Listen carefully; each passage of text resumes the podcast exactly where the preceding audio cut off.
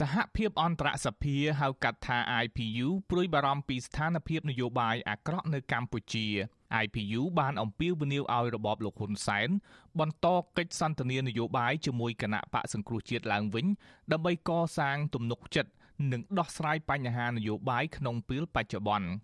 សេចក្តីសម្រេចគណៈកម្មាធិការសិទ្ធិមនុស្សនៃសមាជិកសភារបស់ IPU ក្រោយបញ្ចប់សម័យប្រជុំលើកទី163កាលពីដើមខែកុម្ភៈសម្រេចថា IPU ព្រួយបារម្ភជាខ្លាំងចំពោះថ្នាក់ដឹកនាំនិងជាតំណាងរាជគណៈបកសង្គ្រោះជាតិយ៉ាងហោចណាស់12រូបដែលរងការចោទប្រកាន់ដ៏ធ្ងន់ធ្ងរជាច្រើនករណីជាមួយសកម្មជនរាប់សិបនាក់ទៀត ដោយសារតែសកម្មភាពនយោបាយនិងការអនុវត្តសិទ្ធិជាមូលដ្ឋានរបស់ខ្លួន IPU បន្តទៀតថាកាន់តែធ្ងន់ធ្ងរជាងនេះអញ្ញាធរថែមទាំងរារាំងជនជាប់ចោតដែលកំពុងនិរទេសខ្លួននៅក្រៅប្រទេសមិនឲ្យវិលចូលកម្ពុជាដើម្បីការពារខ្លួនក្នុងតុលាការនៅពេលច្បាប់សិទ្ធិមនុស្សអន្តរជាតិចែងថាមនុស្សគ្រប់រូបមានសិទ្ធិត្រឡប់ចូលប្រទេសកំណើតរបស់ខ្លួនក្តី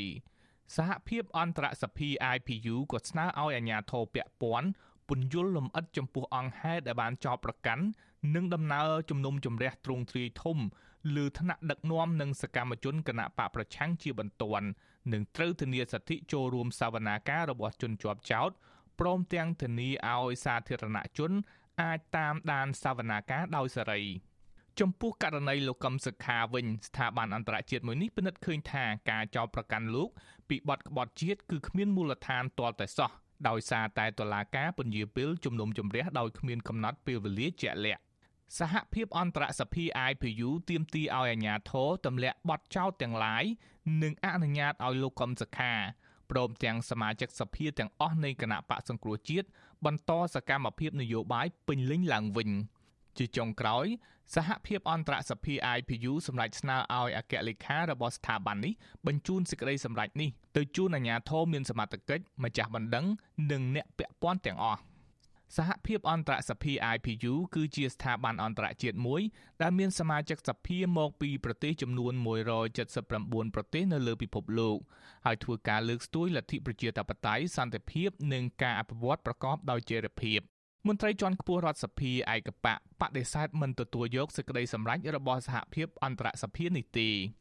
អគ្គលេខាធិការនិងជាអ្នកណែនាំពាក្យរដ្ឋសភាលោកលេងពេញឡុងឆ្លើយតបថាសេចក្តីសម្រេចរបស់សហភាពអន្តរសភា IPU នេះមានភាពលំអៀងទៅរកគណៈបកប្រឆាំងហើយគ្មានប្រយោជន៍អ្វីយកមកពិចារណាឡើយ។ អតីតគណៈបាលសង្គ្រោះជាតិនឹងបានធ្វើចលនាសង្គ្រោះជាតិបានសប្តាហ៍នេះកំពុងតែធ្វើចលនាឧបគិតគឺថាធ្វើចលនាប្រឆាំងជាមួយរដ្ឋាភិបាលដោយយុនីអត់ប្រជាជនឲ្យកងប្រដាប់អាវុធលេចតំណងប្រឆាំងរដ្ឋាភិបាលទៅជាដើមគឺថាទីបំផ្លាញសេចក្តីសុខសាន្តរបស់របស់ប្រជាជនរបស់សន្តិភាពរបស់ប្រជាជនយើងពន្យល់ហើយគឺថាគេមិនក្រាបដូច្នេះគេលំអៀងទៅខាងគណៈបក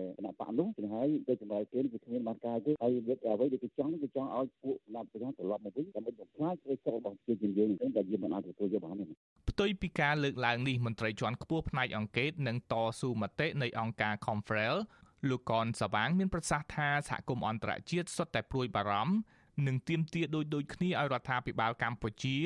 ងាកមកគោរពសិទ្ធិមនុស្សនិងលទ្ធិប្រជាធិបតេយ្យឡើងវិញលោកថាកន្លងមករដ្ឋាភិបាលចេះតែប្រកែកតែមាត់ មិនបានបង្ហាញភ័ស្តុតាងរឹងមាំដែលធ្វើឲ្យសហគមន៍ជាតិនិងអន្តរជាតិអាចជឿបាននោះទេ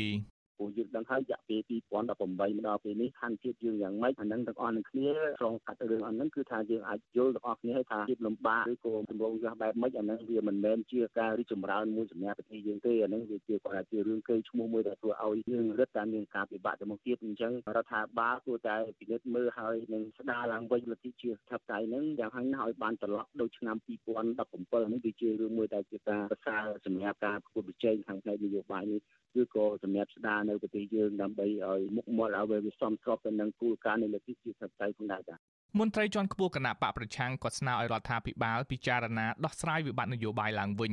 ដើម្បីឲ្យកម្ពុជាងាកទៅរកគន្លងលទ្ធិប្រជាធិបតេយ្យឡើងវិញអ្នកស្រីមូសុខួរអនុប្រធានគណៈបកសង្គ្រោះជាតិថ្លែងថាសេចក្តីសម្រេចរបស់សហភាពអន្តរសភា IPU នេះ ត្រឹមត្រូវព្រោះពួកគេចង់ឲ្យរបបលោកហ៊ុនសែនស្ដារសិទ្ធិមនុស្សនិងលទ្ធិប្រជាធិបតេយ្យរួមទាំងគោរពសិទ្ធិអ្នកតំណាងរាស្ត្រជាដើមអ្នកស្រីបន្តថាសហភាពអន្តរសភា IPU មិនមែនល្ងងខ្លៅមិនដឹងអំពីស្ថានភាពពិតនៅប្រទេសកម្ពុជានោះទេដូច្នេះរបបក្រុងភ្នំពេញត្រូវតែដោះស្រាយវិបត្តិនយោបាយដើម្បីជៀសវាងទណ្ឌកម្មបន្តទៀត លោកហ៊ុនសែនត្រូវតែយល់ថាប្រទេសកម្ពុជាមិនអាចរស់ដោយឯកោម្នាក់ឯងបានទេហើយវិបត្តិសេដ្ឋកិច្ចនឹងคล้ายទៅជាវិបត្តិសង្គមដោយសារអំពើដ៏សាហាវបំផុតអយុត្តិធម៌បំផុតទៅដល់ពលរដ្ឋហើយឥឡូវមកដល់តំណាងរាស្ត្រតំណាងនៃពលរដ្ឋគឺយើងខ្ញុំទាំងអស់នេះឯងថ្មីថ្មីនេះក្រុមអ្នកជំនាញសិទ្ធិមនុស្សអង្គការសហប្រជាជាតិ4រូបអង្គការឃ្លាំមើលសិទ្ធិមនុស្សអន្តរជាតិ Human Rights Watch និងស្ថានទូតអាមេរិកខកចិត្តជាខ្លាំងចំពោះការផ្ដន់ទាទោសលោកសំរងស៊ីនិងថ្នាក់ដឹកនាំគណៈបកប្រឆាំង8នាក់ទៀតឲ្យជាប់ពន្ធនាគារពី20ឆ្នាំទៅដល់25ឆ្នាំពីបទឧបឃាតពាក់ព័ន្ធទៅនឹងការប៉ុនប៉ងផ្ដួលរំលំរដ្ឋាភិបាលពួកគេវាតម្លៃថាការផ្ដន់ទាទោសនេះធ្វើឡើងខ្វះមូលដ្ឋានច្បាប់ច្បាស់លាស់និងធ្វើតាមការចង់បានរបស់លោកហ៊ុនសែនពួកគេក៏បានអំពាវនាវដល់រដ្ឋាភិបាល ឲ្យផ្ដល់សិទ្ធិធ្វើនយោបាយដល់មន្ត្រីជាន់ខ្ពស់គណៈបកសង្គ្រោះជាតិទាំងនោះឡើងវិញដែរនិងធានាឲ្យគណៈបកនយោបាយទាំងអស់មានឱកាសស្មើគ្នាដើម្បីចូលរួមក្នុងជីវភាពនយោបាយខ្ញុំយុនសាមៀនអាស៊ីសេរីពីរដ្ឋធានី Washington